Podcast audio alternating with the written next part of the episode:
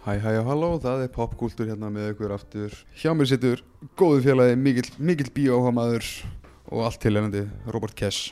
Sjúklega gaman að hafa þig. Takk kærlega fyrir að bjóða mér Einhverju hluta vegna fór ég að hugsa til Lars von Trier, uh, nána tildekið með myndin The House That Jack Built. Stórfín mynd, gölluð, en stórfín. En þar er mikill trigger, eins og þú sjálfur þekkir. Það sem Já. að hann er svolítið að fara yfir mikilvægi og já, ég- svo, já mi mikilvægi listanar er svolítið, svolítið vel til orða tekið í því tilfelli. Það sem að veist, við fáum að sjá svolítið svolítið súmeringu á kvikmyndasögunni út frá sjónöðin Lars von Trier. Hvað gerir hann?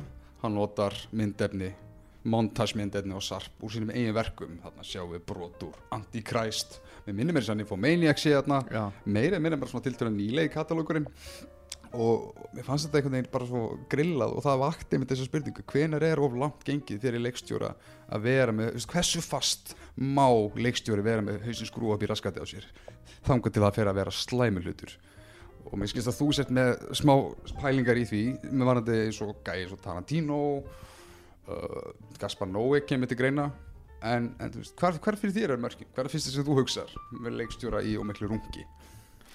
sko ég ég satt að segja er ekki viss hvar mörki liggja hvenar þetta er slæmt eða vond að því að það eru, það eru alveg mörg dæmi um að að fólki finnist uh, eins og bara þú nefndi Gaspar Noé að hérna gott dæmi um þetta er í Love það sem að Mhm. hérna það sem að það er sena sem að aðalkarakterinn sem er kveikmyndi maður uh, fær að monologa um það að hann, hann vilji fá að gera myndum hérna ástamynd það sem að, að hérna, líkansvessar og brund og það sem að veginn, að þú fær svona sína svona e- eins erotískar hliðar á kynlífi og hérna kveikmyndir hafa nokkuð tíma þórað að sína Mm -hmm. og, en hann talar um þetta á þann hátt sem að, því líður eins og, eins og þetta sé bara Gaspar Noé að pizza myndinni sem þú ert að horfa á Já, til sem þín sem er alveg sérstaklega óvinnlegt í veljósi þetta gerist til dæla seint inn í myndina og Já. við erum búin að horfa á svolítið einmitt, aðal gæja búin að vera svolítið en hann er ekki droslega aktífur kvikmyndagerðamaður samt í myndinu þetta er nánu tildingin, þetta kemur ennþá meira eins og Gaspar Noé. já.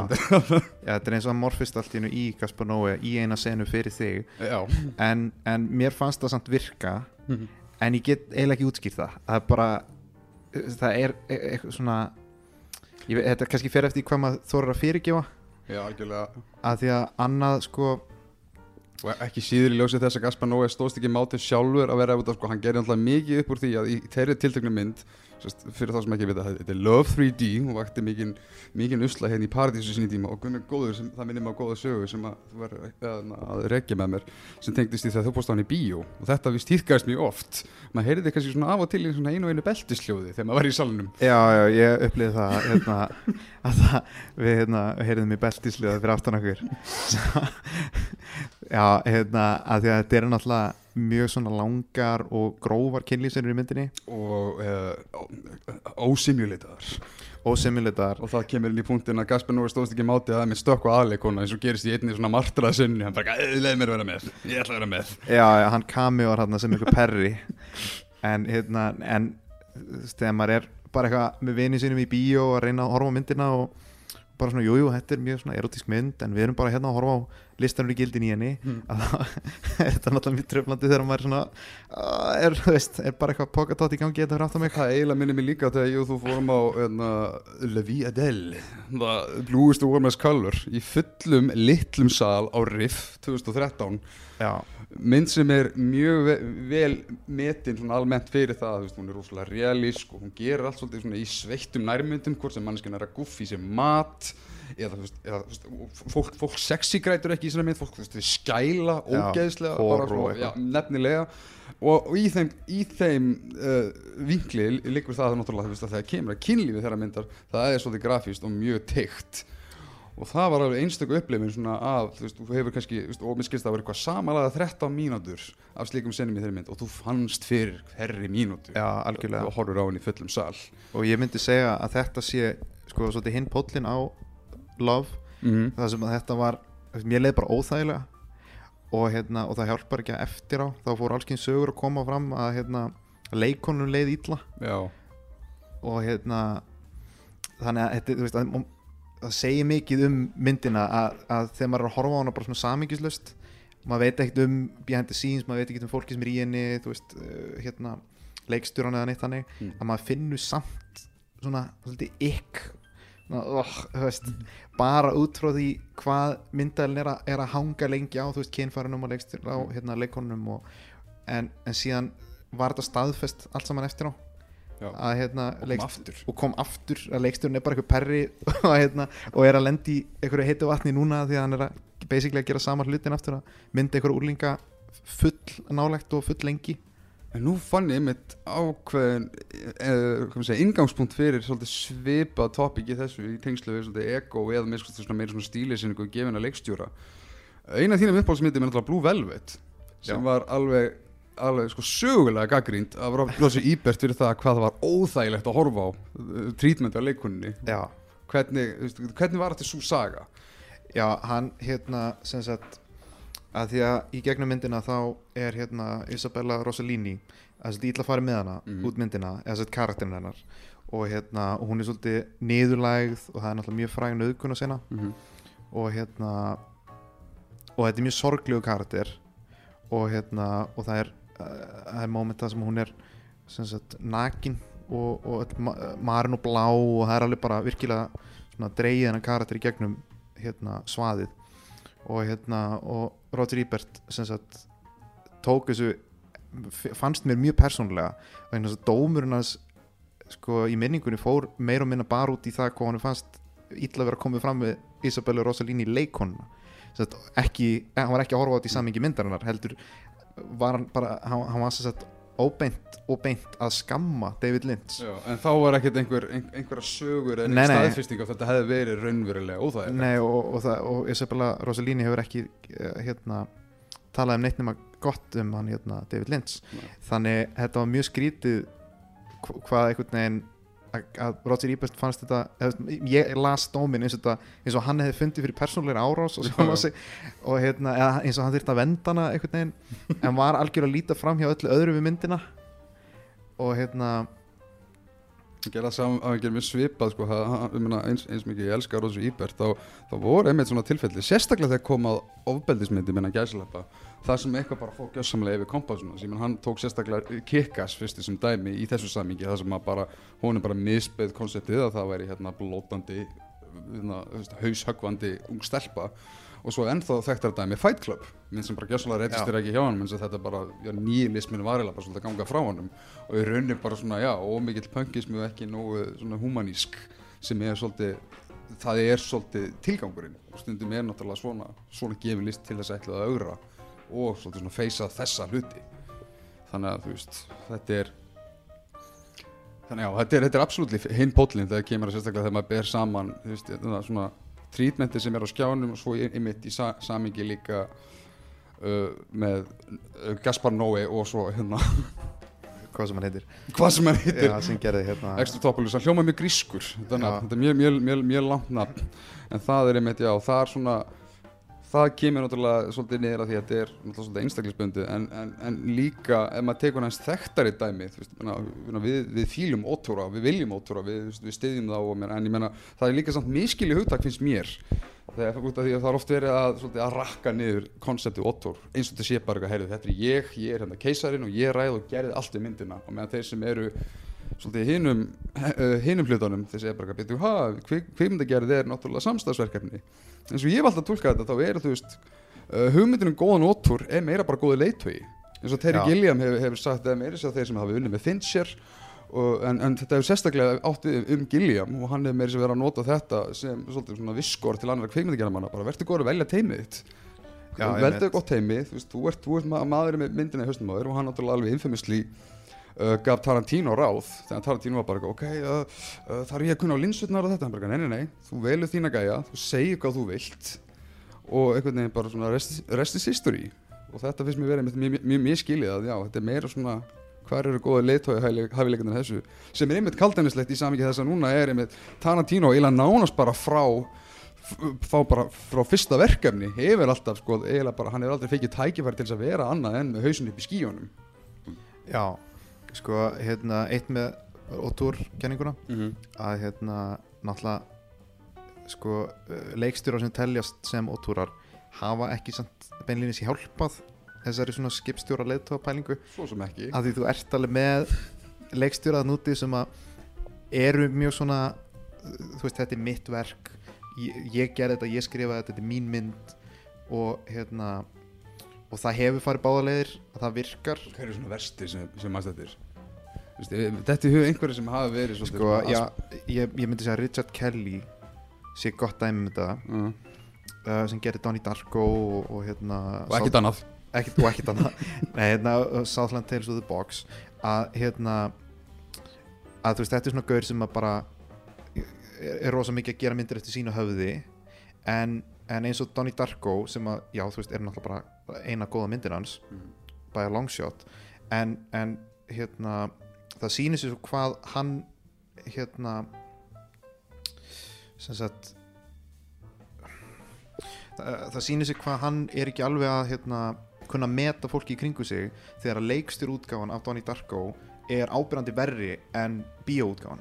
Já, já, já, að því Donnie Darko er mynd sem að var algjörlega bjargað í klippi já, vegna þess að þegar að einhverjum árum setna þegar Richard Kelly fekk síðan að setja puttana algjörlega í Final Cutið mm að þá, þá var einhvern veginn myndin bæði sko, eh, hún var bæði að segja þér of mikið og segja þér minna. Og, hérna, og hann eiginlega bara slátraði frábæri mynd með því að fá að, perrast einn og sér í henni. Já, og eiginlega velgengni Donnie Darko leti til þess að hann fekk svolítið svona stjörnuglampa sinn og var þá eiginlega komið langt að leið með Southland Tales Já, og hugsaði ég er bara svolítið næsta hot shitið sko og þar að leiðandi fór hann að krukka svolítið og fór að sína þetta eru mín einkenni. Já og Southland Tales er náttúrulega bara mynd sem ég mæla ekki með að neitt horfa á eh, nema þeir hafi háan tolerans fyrir, sko, fyrir svona sjálfsblæti. Að því að þetta er, hún er þrýr tímar af bara steipu pikkar upp sögutráðin eftir skilst mér einhverjum uh, myndasögum. Því er hent út í uh, kaplafjögur Seed of Destruction. Já, þú veist ekkert hvað gerist þannig fram að því. Það eru til heimildir sérst, já, myndasögur sem að skýra fram að því. Hann er í rauninni bara að búa til einhvers konar universe nánast bara eitthvað svona Kellyverse hérna í hausnum á sér sem er einmitt þetta er eitthvað sko, ég, ég, ég fíla ekki venjulega ofnótt orðið tilgerð en þetta er svolítið aðrandi við tilgerð. Já að því að hérna, maður færða svo á tilfinninguna að, að hérna, hann bara hendi öll á veggin mm -hmm. Og fekk peningana til þess líka Já, og er svolítið að reyna að sannfæra þig um mikilvægi þess efnis hann er svona helst Já. einhvern veginn svona að fronta Já, hann líka sko er að reyna að koma með eitthvað samfélagsgagrinni og nýta líka og að reyna að búa til eitthvað þvílíka vísindaskáldsögu og hérna veist, sem er samt um 11 aðalkaraktera og þetta er eitthvað svona ensemble piece og Mhm. hérna og en, en þú veist, það, þetta er söngleikur líka þú veist, þú veist, eitthvað söngatri og hérna nei og þetta er náttúrulega bara þú veist, þetta er bara fánuleg mynd. Hún er, hún er virkilega slæm og var líka búið í tætlur á hérna kann mm -hmm. þegar hún var frumsýnd. Og enda á enginn að þurfa að alveg stórþekkt dæmi. Ég held, að, ég held að þessu og The Brown Bunny eftir Vincent Gallo sem Já. er önnur vá, hún, hún er einmitt bara bókstælegt leikstjóra tótt sem einmitt gengur svolítið einmitt út á já, þessar tvær myndir er yfirleitt vel siktar út sem bara eitthvað, ok, nei, þetta bara hinga og ekki lengra. Þetta leiti til þess að Southland Tales fór í feitt limbo. Já, og hérna, bara á augabræði þá var bara hérna, stjörnuglampið Richard Kellys bara allt í henni farin að hverfa svolítið úr auksín og í rauninni síðan þá hefur hann aldrei, aldrei jafnað sig svo best sem ég veit. Nei, hann reynda var að tala um það núna fyrir hvað, 2-3 mánuðum að hann væri að vinna í Southland Tales 2 og ég bý sem sagt, þá ætlaði hann að gera þessa fyrstu þrjá myndasögukabla að bíómynd. Já, um, e, og svo hann bara góð skengi allar hann að, að fjármagna þetta sjálfur? Já, en, en annað gott dæmi um svona það sem að hérna hvað maður að segja, svona ótúr hérna svona ímynd leikstjóra stígur þið margilötur í höfus Aha, og, sem sagt, og svona snemma eins og hjá Richard Kelly nema bara ennþá fyrir í þessu tilfelli. Mhm. og það er hann hérna Overnight hérna, Troy Duffy? Já, Tro- hérna, Troy Duffy Troy Duffy, gæðin sem gerði Boondock Saints Oh, og hérna það er náttúrulega bara frægsaga að hérna að Weinstein, hérna, nei Miramax Mhm. keiftu handritið hans á hvað var það, 500.000 dólara já, sem var bara stærsti handritstíl ever Já. á þeim tíma í Hollywood og hann var bara eitthvað barþjóðn í, þú veist, Boston eða eitthvað Mhm. bara eitthvað svona gaur sem skrifaði glæpamynd og fekk bara gull og græna skóa fyrir handritið sitt Mhm. og bar og, já, og, já, þeir keiftu bar, já, einmitt og hérna og, og hann átti bara að fá að ráða öllu sem hann gerði og hann, hann heimta að hljómsindi sín, eitthvað svona skýta Já, já. rockljómsind sem hann var í hún þyrfti að gera tónlistina já, og hérna og hann sem sagt en, en, og það þetta er frábær heimildamind um þetta ferli sem heitir Overnight mm. og þá sér maður sagt þetta langa pre-production ferli hjá honum það sem að hann hann höfuð hans er óið svo stórt Mm. bara við það að einhver rétt honum hérna seðil og sagði þetta við viljum svona mikið fyrir Já.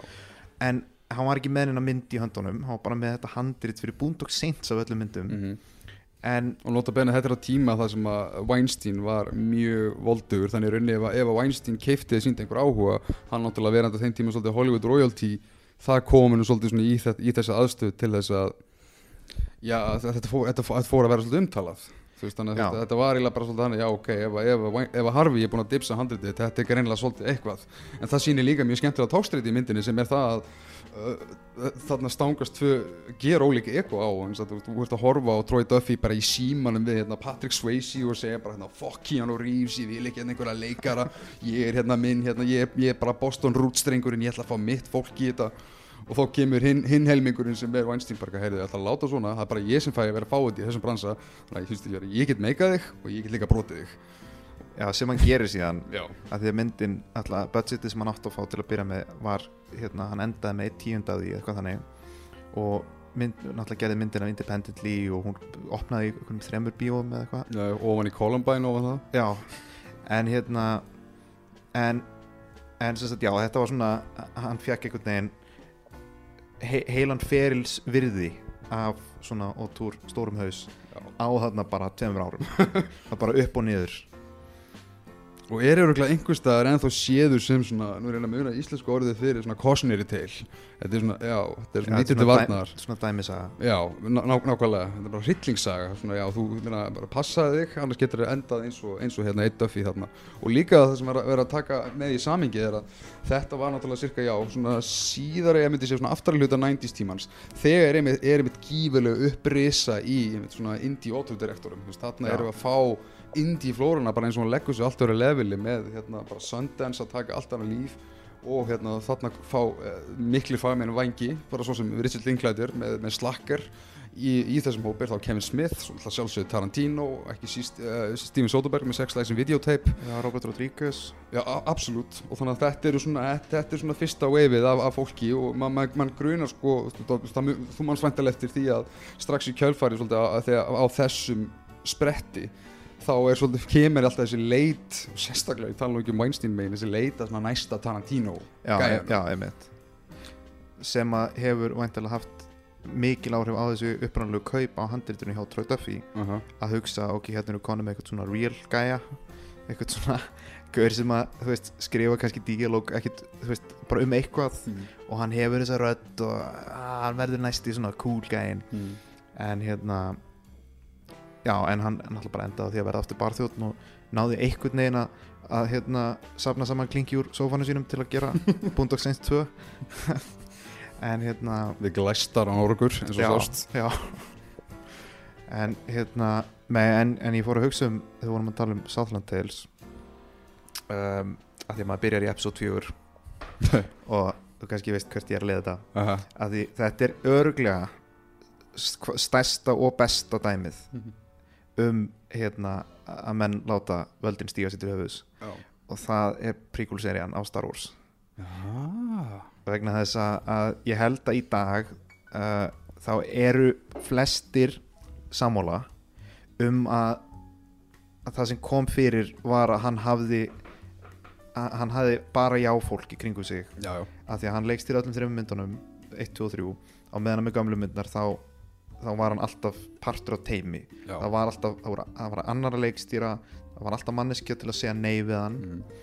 En svo 20 ára setna þegar hann gerir príkulmyndnar þá náttúrulega er hann bara stærsta nafn í heimi. Já, líka og, Og- forstuð með sinna eigin samstipu þar sem að enginn er yfir honum og enginn, svona, enginn creative afl til þess að augra honum og enginn þórið því að það er allra launaskrá hjá honum. Já líka bara hver myndi segja nei við George Lucas á Einmitt. þeim tímapunkti. Já, en, en það náttúrulega er bara klálega það sem kom fyrir þessa myndir. Já, og þú sér þetta líka í þessum hérna, mörgu behind the scenes svona uh, stuðmyndum sem maður hefur séð frá gerð myndana Mhm. að, að það er svo oft að þú sér bara lífið hverfa úr augunum á, á fólkinu sem er að vinna með honum þegar hann er að sína þeim skissur fyrir Jar Jar Binks og, Já, já. og hann er að sína þetta og hitt og, hérna, og hann er að útskýra þetta fyrir þeim og, og þeir, hérna, líka frækt þegar þeir horfa á fyrsta köttið að fanta Mhm. mennis Já, og það er bara svona þögn í salnum og það maður sér bara að það veit enginn hvað þau voru að horfa á.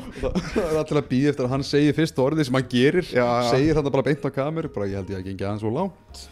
Og hinn er svona já, já, já svo, með þetta backtrackar hann og segir svona já, þetta er uh, setning sem ég gleymi sent it's stylistically designed to be that way. Já, já, þá ertu svolítið svona þá ertu aftur farin að skrúa lengur inn í, inn í raskataðu svona pínu sko, nei, nei, nei, já, þetta, þetta er svolítið þetta öðrísi nei, öðrísi getur verið saman sem djart djart er gott. Jú, herri, ég kom eitt að þetta er, þetta er mitt vision hérna. já held náttúrulega bara áfram á sömu vegferð næstu fjúr árin. Já, en þetta er líka svona einhverju leiti, þú veist, fyrir það að vera, þú veist, prodúser samsteipu og tala um ekki þegar þú veist að tala, sko, og í Star Wars tilfelli þar sem veist með leikfanga batteri allt þetta undir og í rauninni þróaðist, þú veist, bara á filmografíunni getur þú hort á George Lucas þróast úr svolítið svona renegade hráum kvikmyndagerðamanni yfir í Já, eitthvað sem er meira svona, já, einn af þeim sem að lendi í þeirri gildra að vera alltaf svona að fronta og, og, fykta af leikfengi sín, skilju, hann er með Já. þetta, hérna, þetta frammi fyrir sér, ok, og ég get nota hérna bara stafræðin í kamerunum mínu, ó, ég, hver vil fara hérna út í eðumörkina þegar ég geti bara hérna sitja í stólnum mínum og, en ég meina það leiði mér svona pínulítið að, að Tarantino sem er einmitt, þú veist, það er einn af þessum mönni sem að í rauninni fyrir utan eitt vægt tilfelli sem að telst varla til mistaka sem er uh, leikstunum alltaf, já, eh, sem er Death Proof sem að vist, það var vist eitthvað case um brautan hann bara, nei, bara heimurinn snýrist gegn mér og fólk hafnaði grindhouse. En, en samt trekk í trekk er hann þú veist, hann hefur alltaf verið velmetinn alltaf vel að verið, svolítið svona getur ekki gert neitt rátt það er náttúrulega fer svolítið, fer svolítið í mann en þetta er náttúrulega maður sem lætur engan fyrir sig segja Nei. hvað á að vera ekki í editunniðin eða hvað ekki. Mögulega komst Sally Mengi upp, upp með það sínu tíma og hann lísti hann oft sem móður, svona, svona, móður fígur sinni. Já, og það held ég hafi gert mikið veist, og það hefur verið víð að tala um það að, að það hefur verið einhvers konar uh, semi-áþreifanlegu munur á myndunum hans eftir að hún því miður fórst. Já, ég myndi klálega að segja að, að það sést sérstaklega eftir að hafa hort á síðustu fjóra myndirnas já, nýlega aftur. Um, sko, uh, sko ég hef alltaf hugsað um hérna, myndarnas Tarantino þannig að, að sko að þú gætir stittar allar. Já, en þú myndir ekki vilja það. Já. En, af síðustu fjóru þá bara, nei bara allar, allar já, myndarnas ok, að þú, þú gætir, Mhm. ef þú værir virkilega þig niður, mhm, þú gætir það. Það væri ekki, það væri fullt aðna sem þú, þyrtir ekki að hafa. En, en eins og segi, þú myndir ekki vilja það. Sennilega ein undatækning og það er fyrsta myndin hans. Já því hún er nú þegar bara Já. 90 myndur en, en ok, en, sagt, en síðustu þrjár já, myndi ég segja að þá er maður fann að finna fyrir því að þú myndir vilja stitta þér. Mm, og en á móti því er hann farin að lengja já, sem sagt, hann bæði gerir þær lengri þegar þær koma út í bíó en hann er síðan að gefa út lengri útgáfur eftir á. Mhm, og, og ég myndi segja að hérna nýjasta myndin hans Once Upon a Time in Hollywood sé svo gróft dæmi um mynd sem að er að mér, að mér finnst alveg 90 mínútum of löng. Mhm, þú veist og, og mér finnst það fara hækkandi. Ég myndi segja að Django hafi verið svona þú veist, kortir í 20 og löng svona ballpark, þú veist. Og hérna Hateful Eight hún var líka, þú veist, ég fann ekki fyrir að hún þyrst að vera þrý tímar. Nei. en hvað þá fjórir eins og þessi Netflix útgáfa sem kom út af henni. En, en Once Upon a Time og ég veit, hún er að fá frábæra dóma og, og hérna og, þú veist, þetta er náttúrulega bara önnur rósi hérna nappagata hans eða hvað sem að orða til dæki er að hérna ég, þarna bara svolítið klokkaði út mm, og mér fannst það bara endar að vera komin yfir þessa big head línu. Já, að mér fannst hann mér fannst ég hafa hort á þú veist, mynd sem var þú veist, tveir og hálfur sem hafði efni við í, þú veist bara einn og hálfan. Skilur þú veist. Hvar fann, í hverju fannst þér liggja svona í rauninni þetta, þetta þessi, þessi indulgent tendansar hans ef, ef, ef við slettið aðeins þannig þú veist, hvar fannst þér hann vera svolítið svona að sleppa sér í bara sínum haus, sínum fantasíum, sínum Tarantinoisma? Sko, það kemur raun bara út frá bara svona grunn eða kannski ekki grunn struktúr handrita heldur bara svona bara framgangi handrita. Já. og ef ég nota Inglourious Bastard sem dæmi og hérna, sem ég finnst vera besta myndin hans að hún veist, hún er dæmi um það að það er mikið á svona góðri fytu í henni, er mjög svona löng og þú veist, þú gætir, gætir alltaf stýttu en, en þú getur alltaf fundið mjög greinilega hvernig eitt leiðir í annað og, og það er oft mjög sniðut hvernig hann setur upp þú veist, hluti sem koma skul, blöð, hvernig hann setur upp hluti sem að hérna munum, þú veist, verða. Skýra síðar, já. Já, skýrast síðar og hérna þetta er bara vel struktúruð mynd. Mm. á meðan að mér fannst Once Upon a Time sko, sérstaklega þegar maður horfa hana aftur og hérna, mér finnst hún sko, hv- hver sena finnst mér hafa svo lítið kjött í henni. Mm. veist, ef við tölum kannski kjötti og fytuna veist, að hérna kjötti er actual bara hvað myndin er um og hvað skilur að hérna að, ok, gott dæmi um þetta er hérna þegar að, að Brad Pitt fyrir á hérna Spawn Ranch. Mhm. þannig að Mansson fjölskyldan og þegar þú ert að horfa þetta í fyrsta skipti þá er þetta náttúrulega mjög spennandi af því að þú veist þetta er Mansson fjölskyldan og þú veist, þú veist þetta er skáldaði karakter þannig að þú veist ekki hvort hann deyri eða lifir og hérna, og hann vil fá komast að því hvort að eigandi rannsins er ennþá lifandi og, og við náttúrulega trúum því ekki í eina sekundu að hann sé lifandi en þetta er svo tegð sena og, og Tarantino hefur talað um það áður að að hann nota spennu eins og, eins og hérna Svo Giuliani já, nei, eins og, eins og hérna gúmitegju Já, já, já. Þú veist að hérna að, sem sagt, hann vil, hann vil tegja eða þú veist, strengja tegjuna Alveg fram að slitmörkum. Alveg fram að Já, slitmörkum. mm. og hérna sem hann gerir hérna og hún er mjög spennandi senan og svo hérna kemst maður að því að hann gæðin er lifandi og hann vill vera á rannsinu og, þú veist, og það er bara allt, allt er bara í gutti og, og hérna svo bara fer Brad Pitt kýlir eitthvað gaur og brunur í burtu. En þegar maður er að horfa á þetta aftur og þú ert að sjá fyrir að nú er bara korter af bara svona bara einhverju dauðu lofti Mm. af, af þú veist einhverjum mannsson hippum að, að hérna dansi kringu Brad Pitt og Þetta fer pínu svona á skjön við, við, við, við koncepti sem hann afsakar myndina svolítið undir sko, og nota benni ég elska þessa mynd sko, en, en, en, en samt svona elskana með svona stóru kaviat en þetta fer svolítið gegn því að hann notar alltaf þessi lýsingu með þetta, er svona hangsmyndi mín en þegar þú ert að hengja korter senu á suspensið eitt og sér já, já. þá ertu svona pínu svona að hvað segir maður, matræða kökun og, og háma nýði líka já, sko ég, ba, ég bara fíla hann alls ekki. Og fíla hann bara minna ég er búin að horfa á hann þrjus núna og Mm. fíla hann að minna við hvert hérna, áhorf. Að því sko, og þetta getur alveg komið út frá því hvað ég bjóst að myndinni. Uh, en sko mér fannst sko ég satt að því ég fattaði ekki alveg bara hvað pointi var í henni. Að því að sko að því mér finnst ef þetta á að vera eitthvað svona send-off af 60s kvikmyndagerð eða Mm. kvikmyndaheiminum Já, að þá finnst mér hún vera allt of mikil plottmynd fyrir það. Mm. þú veist, eins, ef, okay, eins og Richard Linklater sem hún nefndir á hann Já. að hérna Dazed and Confused og hérna og Everybody Wants Some. Veist, þetta eru myndir sem ég myndi segja séu góð dæmi um svona send-off myndir fyrir Þetta eru- tímabil. þetta eru hangsmyndir. Þetta eru hangsmyndir. Mm en þær líka eru veist, þær eru bara með svona rauðan þráð. Veist, það er hérna busunin í Dazed and Confused og nú ég man ekki alveg hvað var í Everybody Wants Some.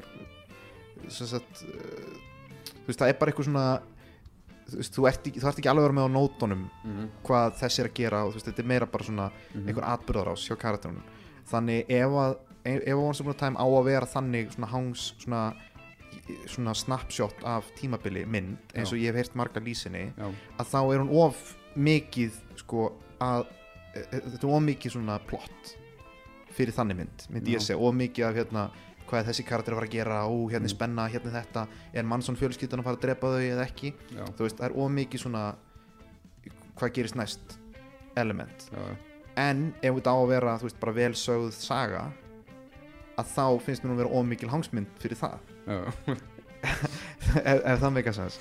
Eh, sko, og, hérna til dæmis uh, sko, fyrsti svona fjórðungu myndarinnar finnst mér gefa mjög skýra stefnu af hvað maður heldur að myndin verði að því að sem, er það að bera saman uh, Leonardo DiCaprio karakterinn Mhm. og hérna Shannon Tate Já. að því að og, sagt, og mér finnst það bara myndin sjálf gerir þetta mjög skýrt vegna þess að hún er að vegna þess að þú ert að sjá sko, hann, þú veist, hann þarf að fara hann þarf að hérna, vaka seint til að læra línutun sínar Já. hún fer á partjar, hann er bara heima og hún fer á djammar, hann þarf að vakna snemma hún sefur út, veist, þetta er, myndin er að sína okkur þetta, bara side by side. Já, og hérna, hún, hún býr til þennan takt. Alveg, fannst mér mjög svona deliberately. Já, bara, að ok, þetta er það sem myndin er að gera. Þú veist, við erum með hérna haspin og svo rísandi stjörnu. Og það er eitthvað punktur að fara að koma út frá því. Mm. Er, þetta er það sem myndin er að fara að fjallum. En hún bara hættir að spá í því eftir svona hálftíma og núna er þetta ekki lengur um að bera saman lífi þeirra. Já þannig er rauninni Sharon Tate kemur út sem bara pjúra uppfylling. Já, Þannig, já, þú veist, þú, veginn, þú ert að býða því að sjá ok, hvernig er hún að fara að endurspegla hann að því svo eru þau nágrannar, ón á það. Já, þá hugsa maður, að ok, er þetta að fara að vera eitthvað svona þú veist, er hann að fara að sjá hennar frægð út frá sjálfum sér, að því þú veist, hún býr við hliðina á já, er hann að fara að heyra í partíunum hennar er hann að fara að gera þetta og hitt þú veist, og svo náttúrulega er maður með mannsónmorðin baku eyrað þá hugsa maður, er það að fara að hafa ykkur áhrif að þú veist, hún er rísandi stjarna hann er á leiðinu niður en svo er hún drepin og þú veist, minn það þú veist, alls konar svona pælingar sem að mér finnst myndin setja fram á við. Stærst, stærsta dæmið um uh, sjálfsrungi sem ég get, sem ég get uh, undirstreikað með nákvæmlega þessa mynd og það er eitthvað sem ég held að, já við höfum reyndar rætt um áður sem er að, þú veist, ok, segjum svo að hann er að uh, hann er að helga sig við, við mjög svona luxurious uh, rólega lágstemda einhvers konar hangsmynd í bland við svona mood piece. Það sem mér finnst pínu grandamyndin og vera gott demo um svolítið leikstjóri sem kann ekki hemla sig það eru senstu tíminnar já, já, þá finnur þau svolítið bara svona, í fyrsta lagi finnst mér það vera svolítið eins og tekið úr annar mynd eins, eins gaman og mér finnst að horfa á Cliff Booth sem er náttúrulega bara svolítið svona að eðlisfari gerði sem bara eitt svalasti maður í heimi og hann er hérna neglandi, þú veist, hérna mann sem fjölskylduna bara beint í veggi og í síma og, og hvað eina en þetta er ekki myndi sem við höfum verið svolítið svona okkur búið að stilla upp áður fyrr Þetta, Nei, þetta er meira ekki. dæmi sem að tannatílunum er svona ég verð, ég verð, ég verð, ég verð ó, ég get ekki hemlað mig þetta er, Já, það er meira, meira, meira sáfaktor og annark, ég man þegar ég sá hann í fyrsta sinn og ég er unni svona, eiginlega öll skipti sem ég horfa á þessum mynd og fæ ég svolítið svona, ok, þetta er á, á eins bítum er þetta, þetta er, þetta er, þetta er góðu sequence en veist, þetta er ekki myndin sem að, sem að er búið að selja mér hérna í, í, í heila 2 tíma og 20 mínútur áður fyrr og einmitt, já, annars í rauninni þetta er, og þekkjandi Tarantino eins og hann er og það er einmitt mjög óvinnilegt að vera að horfa á mynd sérstaklega þegar þú nefnir Spawn Ranchið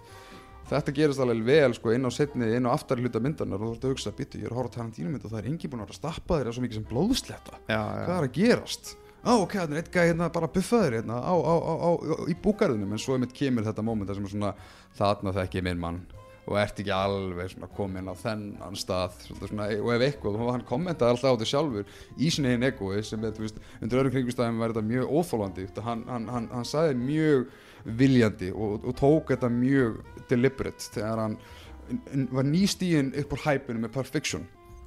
Að segja semst Já, ok, það búast allir við að ég muni gera núna þriði myndina sem verið svona eða þetta, þetta. Ég ætla ekki að vera svo guður Ég ætla að gera myndina sem ég hefði gert þegar ég er 50 Ég ætla að gera þroskuðu, hérna mannlegu myndina mína sem er Jackie Brown. Já. Og þetta er mynd, mynd sem maður myndi búast við enn fyrir maður myndi gera í dag. Og það er mynd sem er svolítið sem ég veist eiginlega pínu, eiga pínu samilegt með, með Hollywood sem er þetta er myndir um fólk og, mynd, og ekki myndir sem að eru Já, veist, og í rauninni finnst mér Jackie Brown betri hangsmynd að hún bæði leifir sér að koma upp, komast upp með mjög svona skemmtilegt en samt svona lightweight plot en gengur ofar öllu út á í rauninni bara svona mjög þétt net af karakterum en það er mjög áhugavert að fylgjast með hvernig hann svona í sínum egoisma náði bara að kalkulera, heyrðu, minn ferill verið svona. Og þetta er maður sem náttúrulega bara gengur út á það að kalkulera feril sinn og, og miða sig við aðra. Og hún er, meir, hún er með meira andum filmografíu sína heldur en sjálfa sig og hún er mest andum sjálfa sig. Og hvað þá, hvað þá annað teimi hann er bara, það er alltaf ég og mig. Og, og sem meiri sér lýsir sig í formi þessa veist, og ætla, það er an, annað dæmi sem ég ætla að spyrja út í mjög snögt sem tengist þeim með þessum, þessum furðulega sjálfsfrónar egoisma er hvað finnst þér um það að hann tekur svolítið svona þessa, þessa mítasar hönd og segir nei, ég vil ekki uh, tónskáld á myndina mínar undir öðrum kringumstæðum nema bara það að, að réttna og snara Ennio Morricone fyrir Hateful Eight. Skilur, hér er þetta með veist, af öllum kvikmyndagerðamennum í heiminu sem bara, veist, það kvikmyndagerð snýst líka ekki bara um teimisvinn, þetta er traust. Og Tarantino treystir, ef ég sínt svolítið fram á hann treystir ekki öllum. Og hvað þá fyrir þessum hlutum. Já, eh, ég verið veri þar vissi ekki að hann hefði sagt það hann hefði bara aktíft, eða þú veist er hann bara á móti því að hafa var skor? Já, Já, jú, jú, veist, ok. og, og í rauninni að, hérna, hann, út af hann sko, svo vann hann með Morricone fyrir uh, lítið lag sem heitir Anora Key minni mig, sem var í Django. Og það er greinilega svona það sáðu einhvern fræðum hjá Já, en svo þegar kom að uh, Hateful Eight þá er mitt og og hann er mjög duglegur að, að segja frá þessari sögu eins og þetta hafi verið svona já, það, það er bara minn tími núna, jú, ég held að en það kemur engin annar til greina og, og, og hann veist, í rauninni kemur sér í sambandi með Morricone og Morricone, veist, fyrst uh, með minni hann hafi hafnaði út, hann hafi svo lítinn tíma en Morricone datt greinlega út gýr og samtið bara hérna alveg þvílíkt skor fyrir hann. En þetta samt var frávikið og algjör undirtækning við reglunni og en Tarantino gegnum gangandi var alltaf bara nei ég vil ekki að neitt annar hafi þetta vald yfir minni mynd sem ég finnst pínu svona fara á mis við þessa, þessa pælingu með að veist, jú þessi maður er svona meistari svona stemningsbíóupplöðunar og þessi maður kann að setja saman senu og suspensin eins og móðufokkar sko en það er eins og sér sjálfur að gleyma því hvað það er fyllt í fyrir öll þessi stef sem hann er sjálfur að stela hvað fór mikið tröst í, í, í Já. þau verk skilur við, bara Já. það að nota uh, ég, ég meina já, til dæmis bara það að nota hérna, ónótu stef úr, úr The Thing. Það vildi svo til að Morricone var bara með á lagardu sínum skilur en, en, en ofar öllu þá er þetta samt eitthvað sem var sami fyrir annað undir tröst einhverja annar, annara gæja. Þannig að þú veist þannig að já ég veit ekki, veist, er hann, er hann svolítið einn, og, einn á, á, á, á sínum hesti? Finnst þér hann eiga rétt að vera á þessum hesti? Eða er það bara svolítið svona in the 90s eða eftir Bastards eða svona hvernig? Sko, á, hann rétt á, á, á hann rétt á því að vera þetta miklu ego en, en þann dag í dag ég em, í st- stuttu svari nei að því að náttúrulega eh, það er eitt með hann að maður þarf svolítið að, gleyma því hvað hann, hvað hann fílar sjálfan sér mikið og það er til svo mikið af mjög vondum viðtölum og klippum á honum. Það sem að, að hérna, það sem að sér að- inn við beinið er hann ennþá bara 16 ára. Já, eins og hérna eða þú veist, já, ég ætla svo sem ekki að taka neitt dæmi en, en hérna, en já en mér finnst þetta koma mikið út frá því hvernig myndir hann gerir sagt með stefin. Mm. að því að hérna að því að hann, hann hefur engan áhuga því að, að sko láta þið þú veist gráta eða, eða svona fara í einhverja melankólíu. Kemur fyrir, en það er meira í setni tíð. Já, mér, sko, mér finnst það já, ertu að tala þá um Django eða? Einhverju daginn að datt ég bara strax í Django ég, ég myndi segja að þessu leifar af því svo sannlega í Inglourious Basterds en það er meira shock value heldur en einhver genuine tilfinningaþungi sko, mér finnst hann það, bara er, það, er, það, það er 100% sál í myndunum hans en það er munur á því að þú, veist, að þú ert með sál og hvort sem það er í formi já, Shoshone hérna, eina, eina öðrum megin eða Beatrix Kiddo hérna hinum megin. Já, en þetta er samt ekki ofur öllu snýst um stemninguna hann er stemningsgæi Já, þaðan kemur held ég þessi nótkur á poptónlistinni Mm. að, að hann er mest megnis bara að gera stemningsmyndir og, og það bara fittar einhvern veginn betur að hafa David Bowie undir, þú veist Já.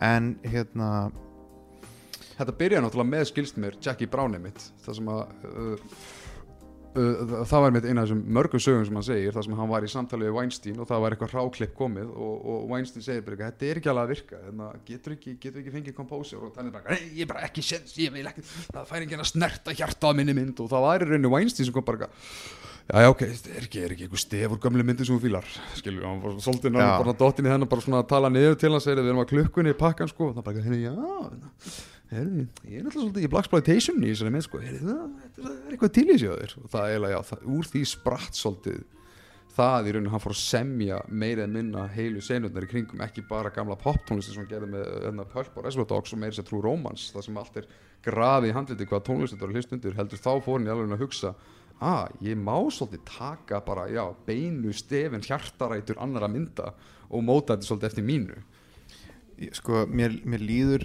uh, með hvað hann hugsa mikið út í sin einn feril, sko, fyrirfram Mhm. þá kemur mér ekki óvart ef hann væri bara með sarp af lögum sem hann er búin að vera bara graður í að nota síðan hann var bara krakki.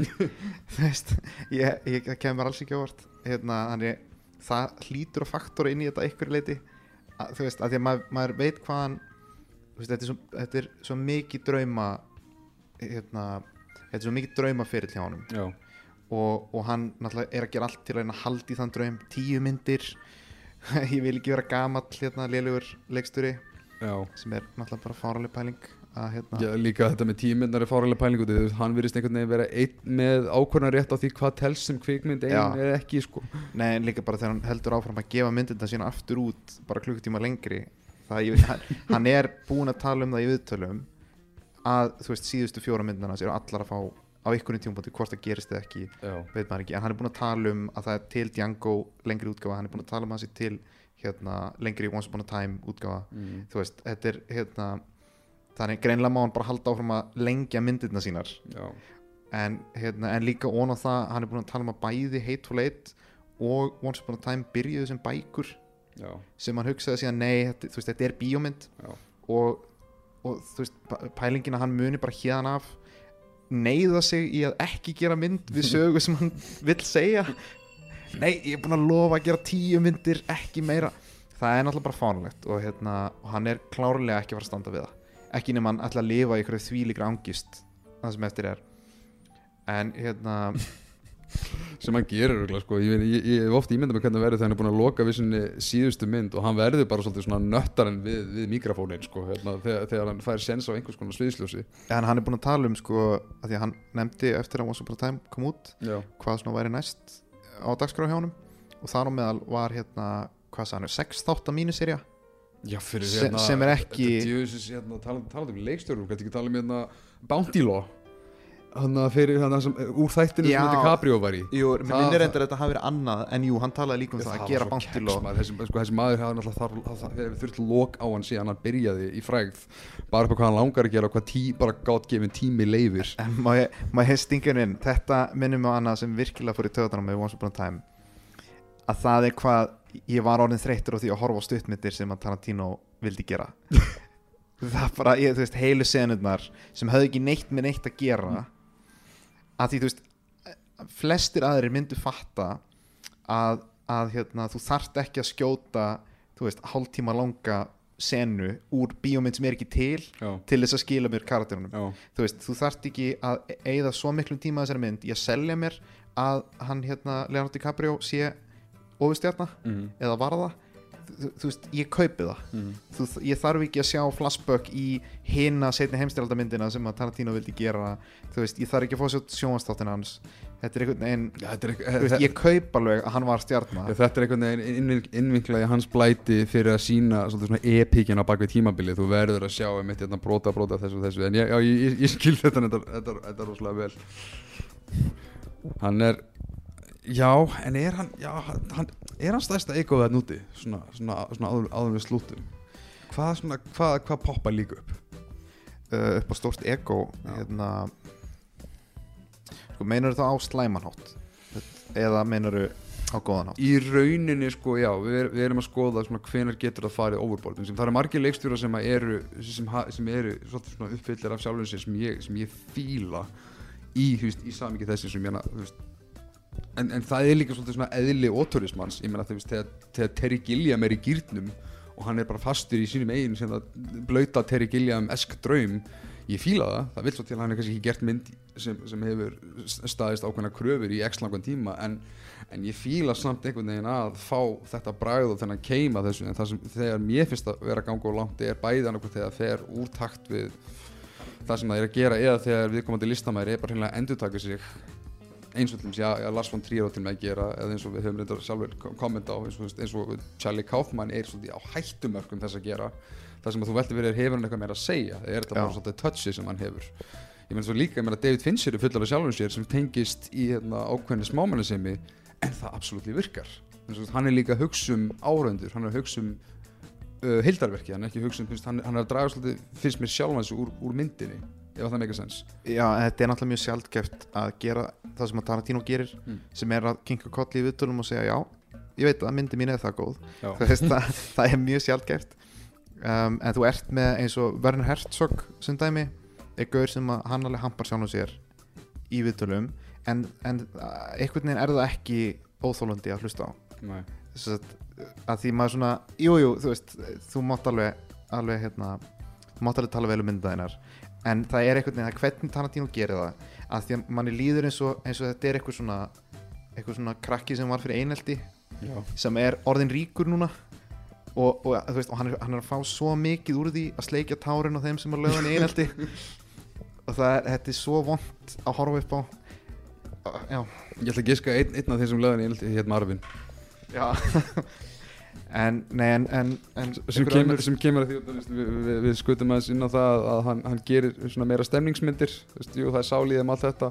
Og hann hefur sjálfur sagt sem er þetta mjög aðteklisverð pæling og þetta er eitthvað sem ég stiði alveg í tætlur sem er að uh, hann, hann, hann hefur verið gaggrindi fyrir þetta að þú veist, af hverju ertu ekki að gera meira? Svona persónulega mynd sem er í, rauninni bara svona dulkóði fyrir, þú veist, heyrðu, hvað er myndin um hérna litla þjáða strákin sem var kvikmynd áhamaður eða þetta, ok, vísu hittur hún trú romans í einhverju formi, en, en, en, en hann, sag, hann kom með þá skemmtilegu setningu að já, mína myndir eru dundur persónulegar, ég vil bara ekki að þú vitir af hverju þær eru persónulegar, skilur sem að fær þig svolítið svona sem, sem viewerinn eða áhorfandi eða aðdáfanda til þess að svona skemmtilega að lesa í bara, svona, ok, byttunum við, hvað hver er dýlið þarna, var hann einhvern tíman í þú veist, í óbyldisambandi við einhverja bíatryggs þarna, er hann, hann Bill sem þarf að sleppa takinu? Þessu, skilur svona, þú getur lesið alls konar drasl í þetta sem er, þú veist, en mér, mér finnst það áhugavert hvernig hann er svona, hann er bæði ógeðslega persónulegur en samt er mitt leifil líka svona sín nördisma að ráða án þess að dett út í já, vel, eins og, eins og hann aðeins kom inn á með Kaufmann sem að ég veit bara hreinlega, ég get hort á eina eða tvær myndir eftir hann og, og geta veist, fullkomlega með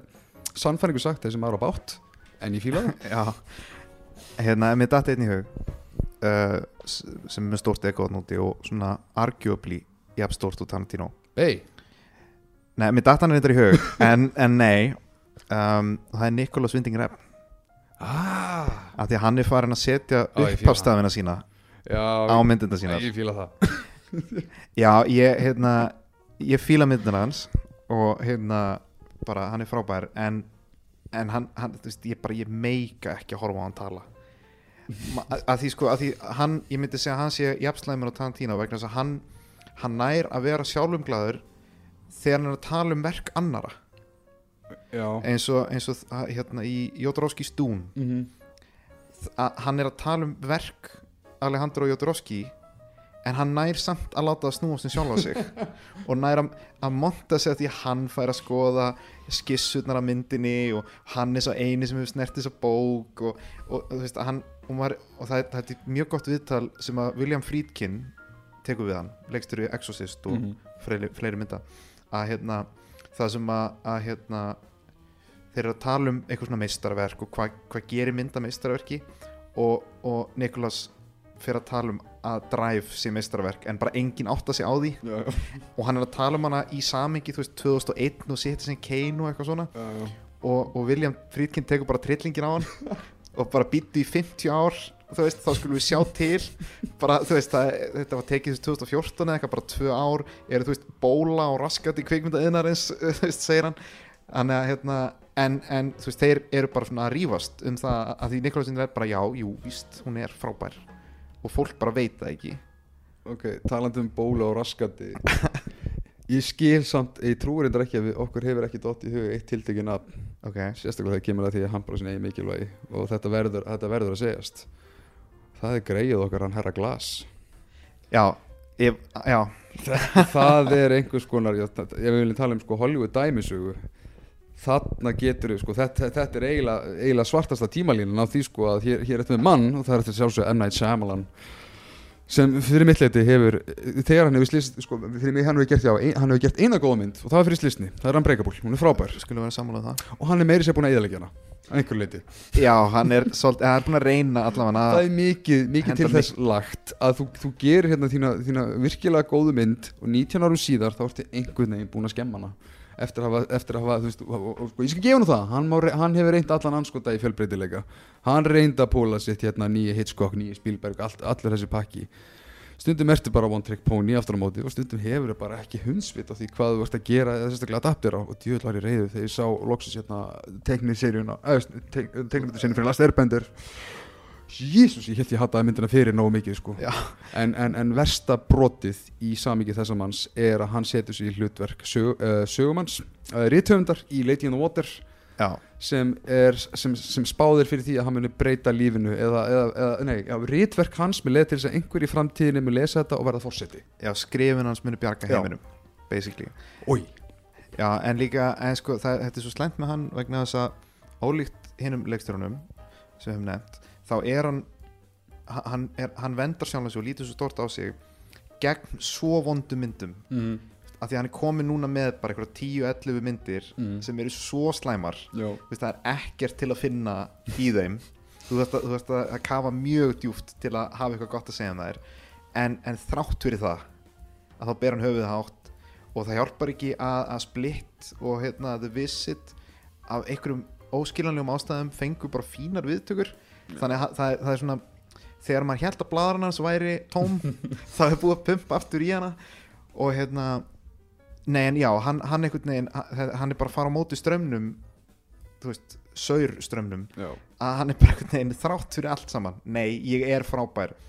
Þú veist, þó að það er búið að vera að segja við hann í 20 ár núna, bara nei þú ert ekki góður leiksturi eða, eða handritsöfundur en hann bara þvertekur fyrir það. Sem minnir mig mitt á mjög góða bransasögu sem er frábær endapunktur fyrir, fyrir þetta sem er einmitt, það tengist nákvæmlega þessu sem að fer aftur ringin yfir í Troy Duffy dæmið. En það er út af því að þetta, já, þú ert með þessa raging velgengni og þú náttúrulega hugsar og þetta fyrir þinn haug, sérstaklega ef þú ert uh, leikstjóri og handritsöfundur þá kemur svolítið þetta svona, já, ég hlýta að vera bara svolítið þetta frábær, allt sem, það næsta sem ég mun gera verður, þetta, þetta verður negla og það gerðist einmitt þegar hann var búin að, hann var búin að ganga frá uh, hérna, á þessum tímum þegar hann var búin að gefa frá sér Six Sense, Unbreakable, Signs.